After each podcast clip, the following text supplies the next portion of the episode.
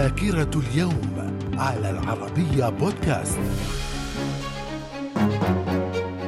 أهلا بكم. الثالث عشر من نوفمبر هو اليوم السابع عشر بعد الثلاثمائة من السنة. يبقى بعده ثمانية وأربعون يوما على انتهاء السنة. ومن ذاكرة الثالث عشر من نوفمبر في العام 1002 ملك إنجلترا إيثلريد الثاني يصدر أوامر بقتل جميع الدنماركيين في إنجلترا وهو المعروف باسم مذبحة يوم القديس برايس. في العام 1918 الحكومة الشيوعية في روسيا تلغي معاهدة بريست ليتوفسك للسلام مع دول المحور في الحرب العالمية الأولى. وفي العام 1918 أيضا قوات الحلفاء تحتل القسطنطينية عاصمة الدولة العثمانية. من الذاكرة. من ذاكرة الثالث عشر من نوفمبر من العام 1929 الحزب الشيوعي الإندونيسي يشعل ثورة ضد الاحتلال الهولندي في جاوا الغربية. وفي العام 1935 اندلاع انتفاضة شعبية في مصر ضد الاحتلال البريطاني والحكومة التي يرأسها محمد توفيق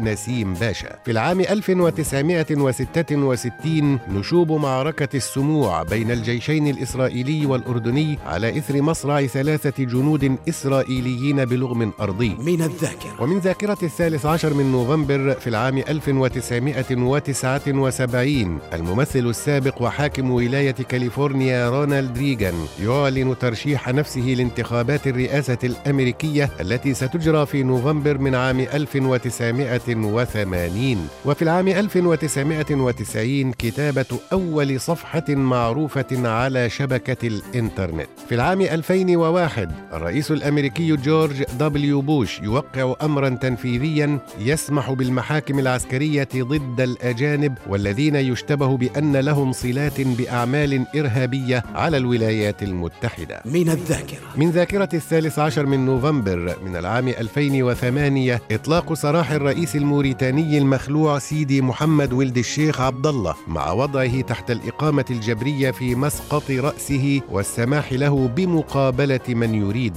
في العام 2011 الرئيس الإيطالي جورجيو نابوليتانو يكلف ماريو مونتي بمنصب رئيس الوزراء وذلك بعد يوم من استقالة سيلفيو بيرلسكوني من الذاكرة. وفي العام عام 2015 باريس تشهد عدة هجمات وتفجيرات متزامنة أسفرت عن مقتل أكثر من 120 شخصا في عدة مناطق من العاصمة الفرنسية. من الذاكرة. إلى اللقاء.